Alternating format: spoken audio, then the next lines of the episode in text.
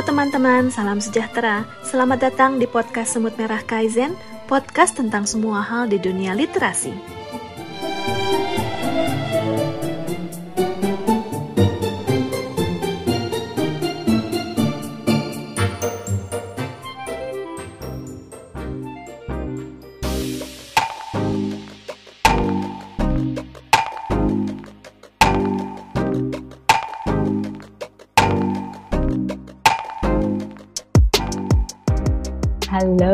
Selamat malam, gengs. Halo, halo. Malam-malam. Jadi aku pengen um, memberikan kesempatan pada kita sebagai produser nih untuk tampil. Biasanya kan di balik layar terus nih. Jadi gimana kalau untuk episode terakhir di bulan November kita um, bahas apa pengalaman kita selama hampir satu tahun ini menjadi produser senior Semut Merah Kaizen season 3. Tuh. Oh iya, ini apa mungkin teman-teman podcast eh, gula-gula hmm, belum tahu ya kalau khusus di season 3 kita ini sistemnya agak berbeda dengan di season-season sebelumnya. Nah, kalau di season-season sebelumnya itu produsernya itu cuma satu, yaitu ibu kadus kita tercinta. Uh, oh, gue baru ingat, iya ya, benar sekali. Udah lupa nih. Season dua, season satu. Uh, uh, dua tahun berturut-turut nih uh, ibu kadus kita merangkap langsung menjadi produser senior semut merah Kaizen gitu. Nah pada tahun ketiga sebenarnya uh, Kak Kino nih udah kayak aduh aku lelah. Udah waktunya turun jabatan nih. iya tapi kita tidak rela, kita tidak iya. rela. Untuk rela. mencegah Kak Kino turun jabatan. akhirnya kita bikin sistem baru yang di mana um, kita memilih beberapa produser utama gitu. Jadi kayak gantian nih tiap bulan siapa produsernya, tiap bulan siapa produsernya gitu. Dan terkumpullah ada tiga produser, ada tiga orang nih yang bersedia untuk menjadi mendampingi uh, Bukadus Kino menjadi produser utama di season 3 gitu. Ada, eh, ada kayaknya ada empat deh yang ada tiga empat, empat sama aku ya? Iya. Terus lupa. Punten ya kawan-kawan karena selama hampir setahun itu saya baru jadi produsernya di akhir-akhir jadi baru nyadar.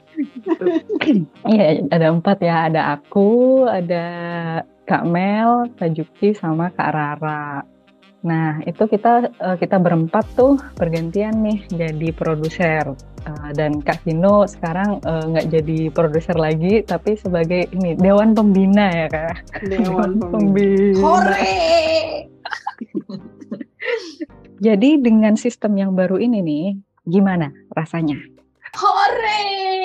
Aku bebas, yang nggak bebas-bebas amat sih, tapi jadi lebih kerasa kalau ini adalah podcast komunitas kali ya sebelumnya adalah kerasanya adalah podcast dengan ambisi pribadi gue.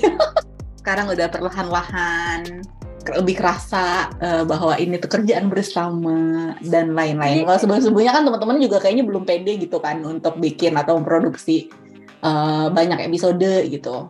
Tapi makin ke sini makin kayak apalagi season 3 ini tuh yang kayak aduh udah bisa napas. Yeay.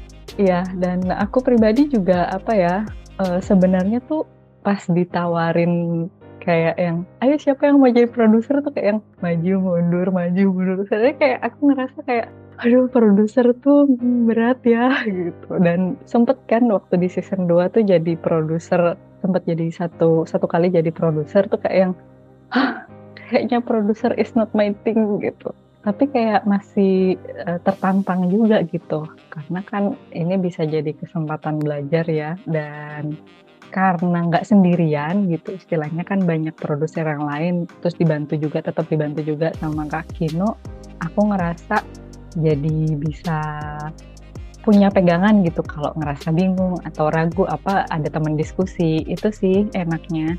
Mau Kak Juki langsung atau Kak Mel duluan? Kak Mel Oke. okay. Kalau aku sih fun ya gitu maksudnya uh, dengan gitu kan lebih nyaman karena kebagian tugas gitu.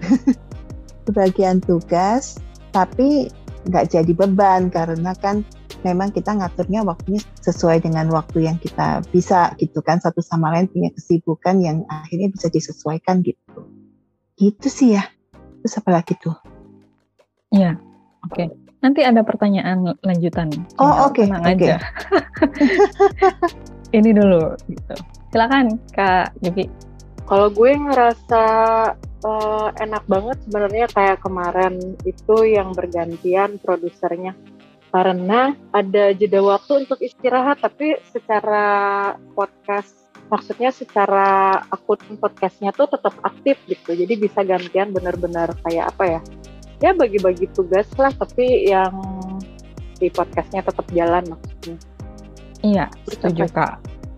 Benar-benar karena hmm. apa ya uh, dan yang membedakan lagi nih dari season-season sebelumnya season 3 itu kalau sebenarnya produksinya lebih banyak dan lebih rutin ya kak. Kan season sebelumnya tuh kayak dua minggu sekali ya. Nah sekarang karena kita udah punya empat produser gitu kita berani tuh untuk produksi apa ya untuk tayang tiap minggu bener nggak? Jadi kerasa banget sih berasa banget vibe komunitasnya. Weh. Gitu.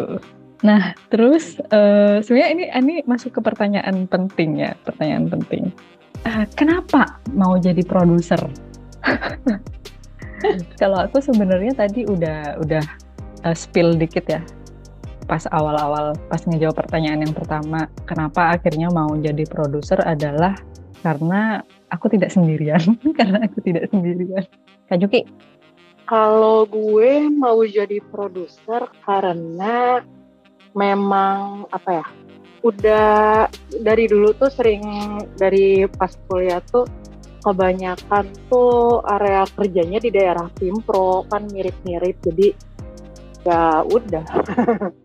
Maksudnya kalau gue uh, ya emang sudah terbiasa di sana gitu jadi ayo aja. Oh berarti it's my thing gitu ya kak ya? Iyalah okay. begitulah gitu. Cimel gimana Cimel? Kalau aku modalnya cuma satu. Mau gak mau lah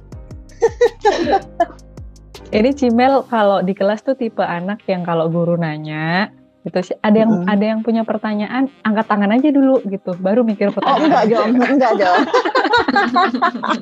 apa enggak, enggak, enggak, itu enggak. aku pendiam dong sebenarnya. Cuman ya maksudnya kan e, karena kepengen juga punya karya gitu ya. Maksudnya berkarya. Karena saya nulis nggak begitu pintar terus seneng sama podcast gitu. Terus pengen punya sesuatu gitu ya. Yang bisa sih produser ya karena ngedit juga nggak belum berani gitu. Berarti yang bisa dikerjakan ya jadi produser. Oke okay, gitu. Mantap. Geng produser ini kan sangat sangat suportif gitu ya saling mendukung saling saling kasih masukan saling kasih saran. Jadi meskipun posisinya sambil belajar dan meraba-raba tetap pede gitu. Pedenya karena tahu bahwa kita nggak sendirian. Gitu sih. Kak Kino kenapa kamu mau jadi produser? Dua tahun berturut-turut loh. Aku aku mah anak podcast emang suka bikin-bikin. Salah. Apa dong itu istilahnya ya gitulah uh, sebenarnya kan itu balik lagi balik lagi ke kenapa pengen bikin podcast untuk komunitas semut merah kaizen ini kan gitu.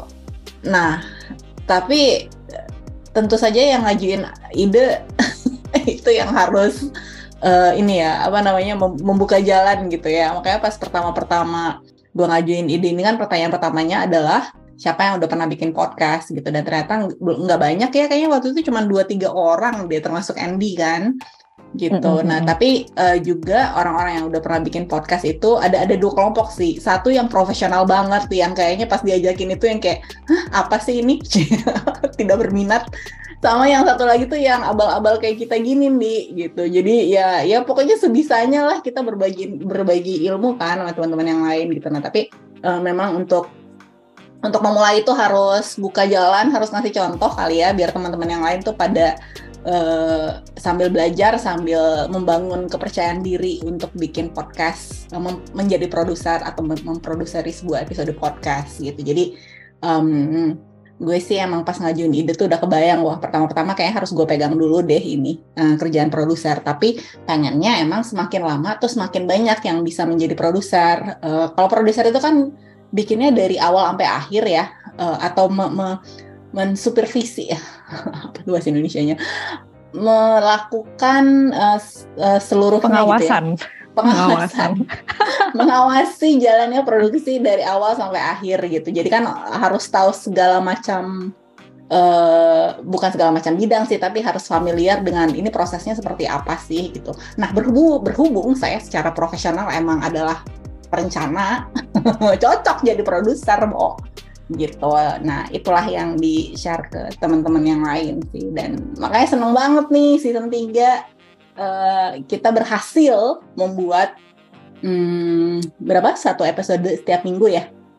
Yuhu, ini berarti Kak Vino tuh um, bisa dibilang panggilan jiwa ya kak, panggilan jiwa. Oke, okay, nah terus pastinya selama produksi ini pasti ada tantangan-tantangan ya, tapi juga pasti ada yang hal-hal yang ngena banget gitu selama jadi produser nih. Kira-kira apa nih tantangan dan atau keseruannya jadi produser di khususnya di siniar Semut Merah Kaizen?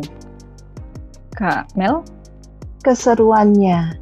Kalau aku sih lebih karena uh, tahun ini di awal banget gitu ya, maksudnya agak di depan sih uh, tugas jadi produsernya. Keseruannya lebih bisa banyak kenal teman-teman semut merah sebenarnya ya. Artinya kan kita sebenarnya nggak pernah saling ketemu gitu. Terus kemudian di dusun-dusunnya kan juga kita suka nggak kontak gitu kan ya. Tapi dengan jadi produser ini jadi lumayan banyak bisa komunikasi gitu sama teman-teman yang biasanya nggak ngomong, nggak nggak ada komunikasi gitu maksudnya gitu. Ya, setuju sih aku kalau itu Kak. Jadi apa ya uh, yang tadinya, nah aku nih termasuk yang silent reader ya di grup. Hmm, sama pengakuan, sama. Ya. Pengakuan. Nah, iya, makanya kalau dibandingin teman-teman yang lain tuh kayak ya, ya kita nyautnya kadang-kadang gitu ya Kak Mel. Mm -mm. Jadi jadi dengan dengan ikut uh, dusun podcast ini tuh benar-benar yang memberi kesempatan untuk berinteraksi yang lebih lebih intim gitu ya mungkin dengan ya, jadi, teman-teman jadi yang kita lain kan gitu. kontak gitu WA pribadi gitu kan terus mm-hmm. jadi tahu oh si ini penulis yang ini mau dibacain tulisannya kayak gitu kan jadi betul, kita betul. lebih banyak tahu sih lebih banyak kenal teman-teman yang lain gitu iya sama mungkin kalau aku uh, serunya adalah apa ya jadi dapat banyak referensi karya sih gitu. Karena kan ya gitu ya nyortir gitu dengerin. Jadi kayak terpapar terpapar dengan berbagai jenis bentuk tulisan gitu. Itu itu kayak nambah pengalaman yang seru banget gitu.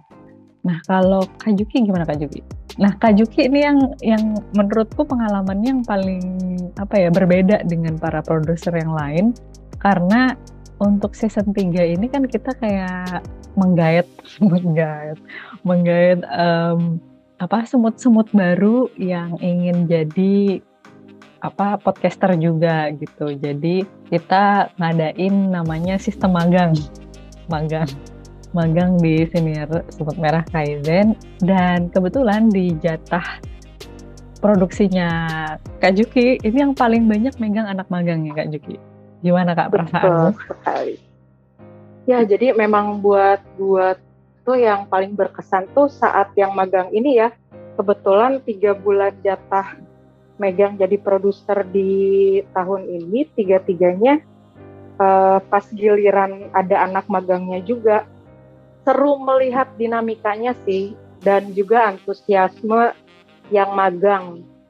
Seru lebih ke bagaimana mengelola apa ya mengelola kedinamisan fleksibilitas orang untuk bekerjanya itu loh yang si anak magangnya karena waktu tahun ini kan kita banyak yang udah mulai beralih dari WFH ke WFO dan banyak anak magang juga yang WFH balik ke WFO dan itu tuh sangat berpengaruh ke keleluasaan waktu buat ngerjain podcast. Karena yang biasanya tidak mobile nggak commute jadi harus commute. Dan kita kan tahu ya kalau misalnya untuk daerah ibu kota Jakarta dan sekitarnya tuh commute-nya itu tuh bisa berjam-jam ber, per hari gitu. Untuk uh, commute dari rumah ke tempat kerja dan kembali lagi sehingga waktu yang biasanya bisa dipakai buat ngerjain podcast tuh jadi potong banyak gitu. Nah, ngehandle yang kayak gitunya sih sebenarnya yang menantang kemarin itu. Ada sempat juga jadinya karena uh, satu apa dua episode karena jadinya nggak ada yang magangnya, akhirnya beneran pandeman tuh cuman berdua uh, antara gue sendiri sama ada satu lagi ngapain satu lagi talent cabutan gitu jadi talent berdua atau cuman sendiri atau nyari talent lagi sama editor aja gitu. Jadi cuma berdua kerjanya. Sempet kayak satu atau dua episode kayak gitu juga. Tapi ya sebenarnya kan karena kita terbiasa kerjanya ringkas gitu ya jadi sebenarnya kekejar-kejar aja. Seru aja tapi uh, bagaimana mengelola dinamikanya gitu. Gitu Cindy Ah, emang seru banget ya kak ya. Nah terus uh, lanjut di season 3 ini gitu, kalau dibandingkan season-season sebelumnya, kita punya segmen yang lebih beragam gitu ya. Nah di antara semua segmen-segmen itu, menurut kalian gitu, nanti Gert juga jawab ya, karena Gert ngerjain juga nih sebagai editor. Uh, segmen ya, apa ya. yang paling disuka gitu atau yang paling menantang atau ya yang paling berkesan lah dari di antara semua segmen yang ada yang sudah kita tayangkan di season ini.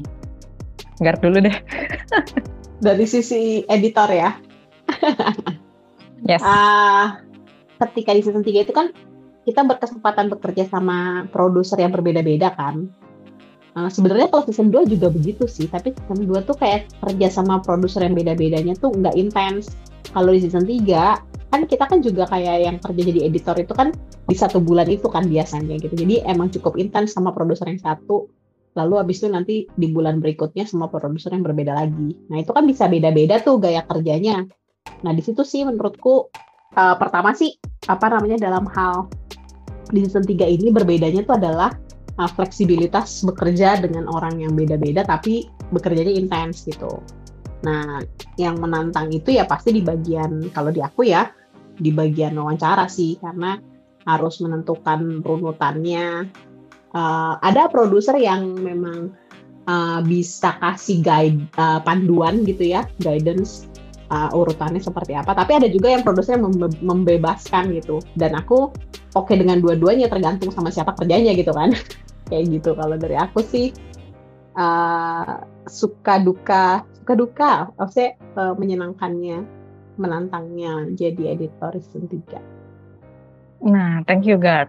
Ini pas kebetulan aku inget juga nih tadi belum nanya kamu ya apa uh, dari mm-hmm. sistem kita yang baru ini dengan ada beberapa produser utama yang bergantian tiap bulan uh, dari segi dari sisi editor gitu ya sebagai sisi editor sebenarnya kamu udah udah menyebutkan gitu ya tadi ada ada fleksibilitas yang berbeda dari uh, gaya kerja yang berbeda dari beberapa editor gitu.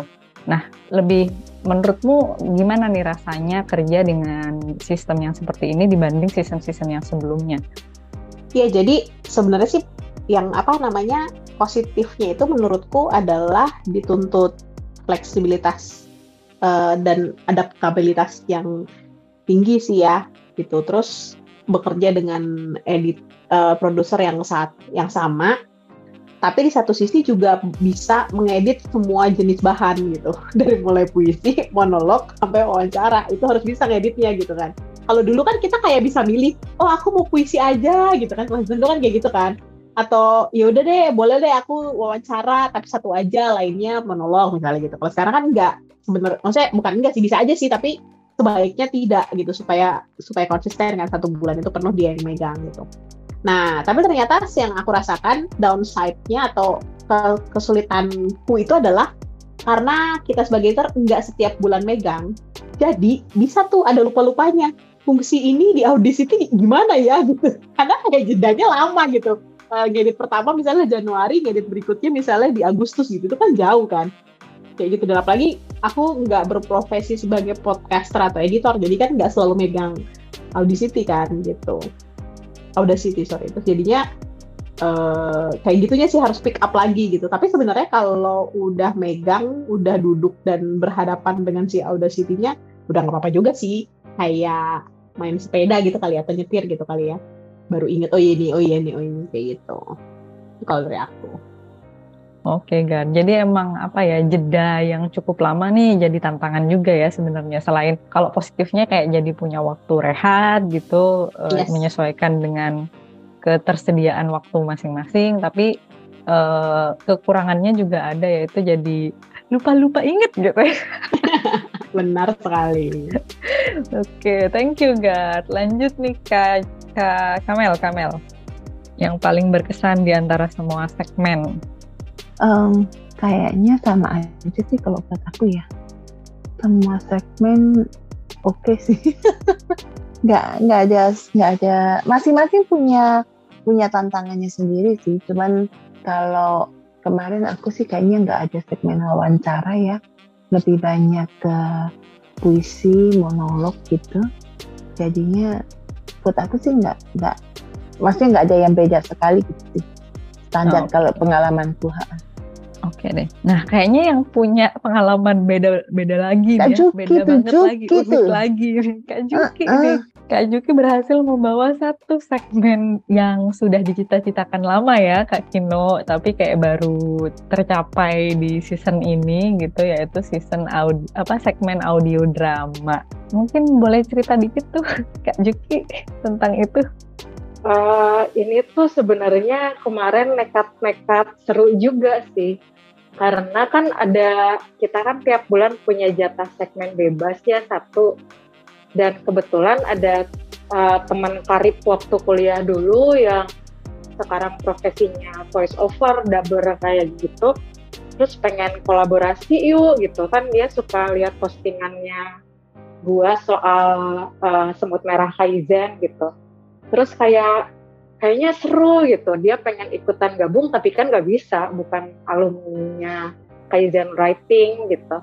Lalu uh, gimana nih kalau misalnya kita collab aja gitu biar ada apa ya partisipasinya gitu. Dan uh, seru aja gitu collab uh, dengan Kaizen Writing alumni. Dan dia juga bisa bawa komunitasnya dia yang adalah ini nanti gue cek lagi ya. Tapi kalau nggak salah namanya rumah suara kita. Ya rumah suara kita gitu. Uh, komunitas para daber dan voice over. Jadi sebenarnya berangkatnya dari sana sih pengen kolaborasi sama temen gitu. Memfasilitasi keinginannya dia juga untuk collab bareng dengan kita. Dan gue juga lagi nggak ada ide kan mau ngapain waktu itu. Lalu lempar ke uh, klub nonton.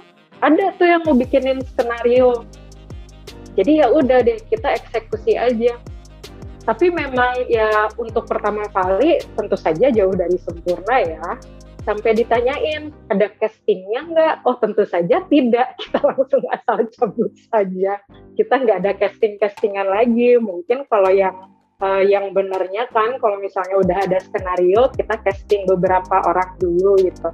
Kalau kemarin ya langsung cabut-cabut aja kebetulan kan ada beberapa yang memang kedengaran di komunitas kita tuh punya pengalaman uh, siaran atau ikut pelatihan untuk menjadi penyiar atau dubber voice over kayak gitu. Jadi kebetulan uh, mereka bisa ditarik. Ada juga kita yang pengen tampil kan para penggawa di podcast ini. Jadi gue dan Mbak Ari sebagai editor ikutan juga dong. Gak ada tuh casting-castingan gitu ya seru juga sih. Uh, dapat banyak masukan juga dari rumah suara kita dan ke depannya senangnya tuh dari RSK ini ada teman-teman yang mau bantu nanti jadi kalau misalnya kita bikin audio drama lagi banyak apa ya antusiasme untuk ikut membantu lagi gitu baik jadi pengisi maupun jadi director jadi voice directornya ya maksudnya. Gitu kan seru ya kalau misalnya bisa gabung uh, seru banget. antar komunitas gitu ceritanya. Seru-seru. biar kita bisa memperluas jaringan Betul. Dan- nah, dan me- memperluas kreativitas juga sih. betul.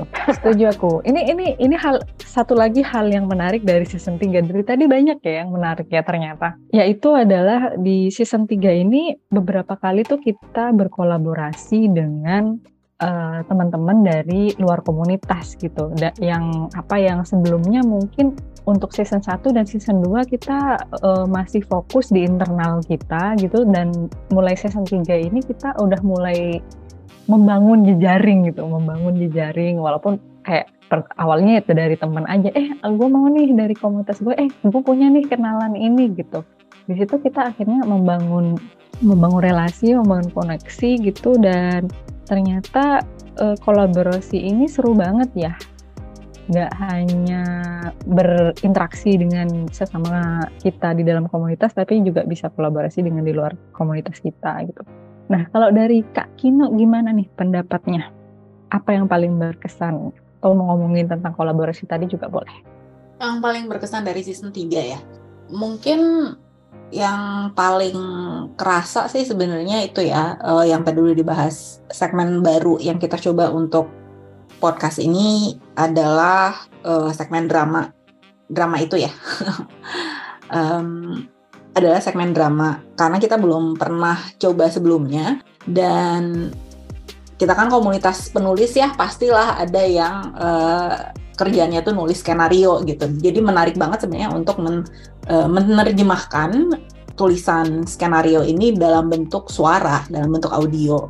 Cuma memang dari awal itu kebayang kebayangnya pertama kerjanya banyak gitu ya. Maksudnya membutuhkan waktu eh, yang banyak dan karena kita relawan kan pertanyaannya siapa yang mau memberikan waktu sebanyak itu. Terus yang kedua juga membutuhkan mungkin kemampuan editing yang cukup tinggi gitu levelnya nah itu yang eh, di awal-awal tuh kayak karena semua orang juga baru belajar jadi kayaknya itu masih mimpi kali ya Nah, tapi jadi dengan adanya segmen baru ini di season 3, aku eh, seneng banget sih. Thank you banget Yuki untuk eh, sudah mewujudkan eh, mimpi mimpi coba-coba ini. Mimpi ini walaupun coba-coba eh, awalnya niatnya coba-coba gitu. Nah, tapi eh, itu buat aku yang paling berkesan dari sisi segmen.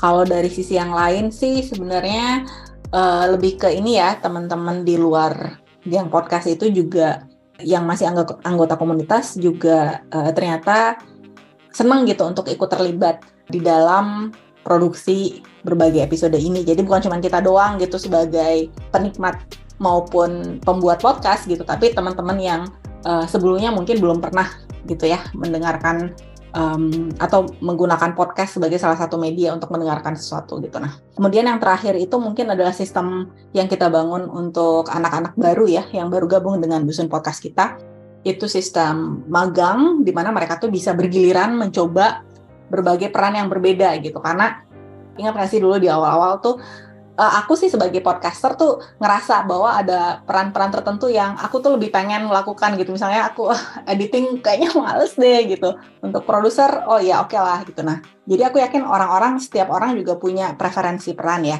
Cuman memang uh, supaya adil untuk semua orang itu kayaknya uh, menurut aku karena kita podcast komunitas semua anggota tim podcast ini tuh harus punya kemampuan untuk memegang semua peran supaya kita bisa saling membackup gitu kan.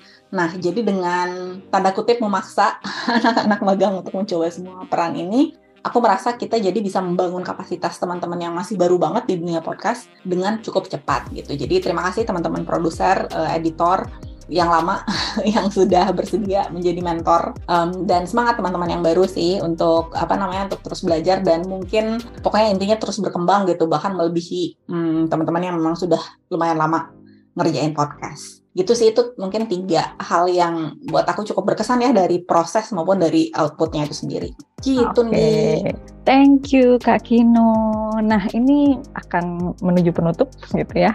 Nah kita kan udah jalan tiga tahun ya.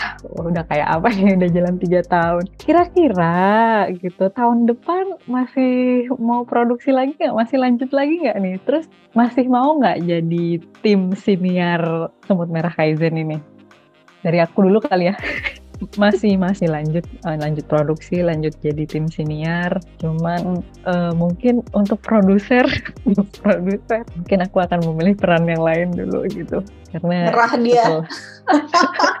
aku aku sudah menyadari bahwa aku punya punya kekuatan di bidang lain di di peran yang lain kayaknya kak jadi akan memaksimalkan di editor aja gitu tapi masih lanjut sih kalau mau dicolek-colek jadi produser dadakan juga ya ya aja sih gitu seru kok gitu tunggu keseruannya di tahun depan gitu ya Kak Juki, Kak Juki. Kalau gue demi menjaga keseimbangan hidup ya dan kewarasan work-work balance gitu maksudnya tentu saja lanjut lah di podcast ya. Malah kalau bisa kan kita prinsipnya kaizen gitu. Ada yang berbeda lagi dong dari season 3 ini gitu. Ditambahin dikit apa gitu. Dikit juga nggak apa-apa kok ya. Kalau banyak nggak apa-apa juga gitu. Iya, melihat pola dari season 1, season 2, season 3 kita tuh kayak terus berkembang gitu ya. Ada Betul. aja kejutan-kejutan baru ya di setiap season. Jadi mungkin gitu nanti akan ada kejutan baru lagi nih di season 4. Oke, eh, mungkin penutup dari Kak Kino. Penutupnya nantikan inovasi baru dari geng podcast SMK. Eh, nggak cuma geng podcast sih, tapi intinya Iya. dalam podcast Semut Merah Kaizen tahun depan. Season 4 seperti apa tuh? Cie, inovasi terbaru Cie. kita. Oke, kita tunggu sama-sama ya, gitu. Oke, thank you semuanya kakak-kakak, kakak-kakak, geng produser senior Semut Merah Kaizen season 3. Nah, buat gula-gula nih yang selalu setia mendengarkan semut-semut bersuara, kita ada sedikit pengumuman. Jadi, untuk mempersiapkan inovasi-inovasi baru di season 4 nanti gitu. Jadi para semut ini ingin bersemedi dulu, mengasah gergaji dan menyiapkan diri lahir dan batin gitu bersama-sama di sarang semut kita. Eh, jadi dalam satu, dua, atau tiga minggu ke depan kita bakal off dulu gitu ya atau libur dulu nih untuk mempersiapkan uh, season 4. Tapi Desember masih akan ada satu segmen yang akan kita tayangkan gitu. Apa itu ditunggu ya kawan-kawan, ditunggu ya gula-gula tercinta. Terima kasih. Sampai jumpa di episode terakhir season 3. Sampai jumpa nanti. Yuhu, bye-bye.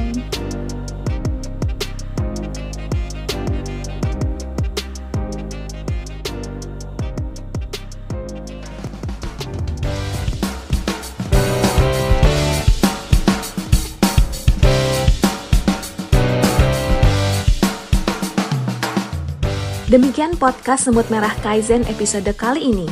Sampai jumpa di episode berikutnya. Karena semua orang bisa menulis dan semua penulis butuh komunitas. Salam literasi.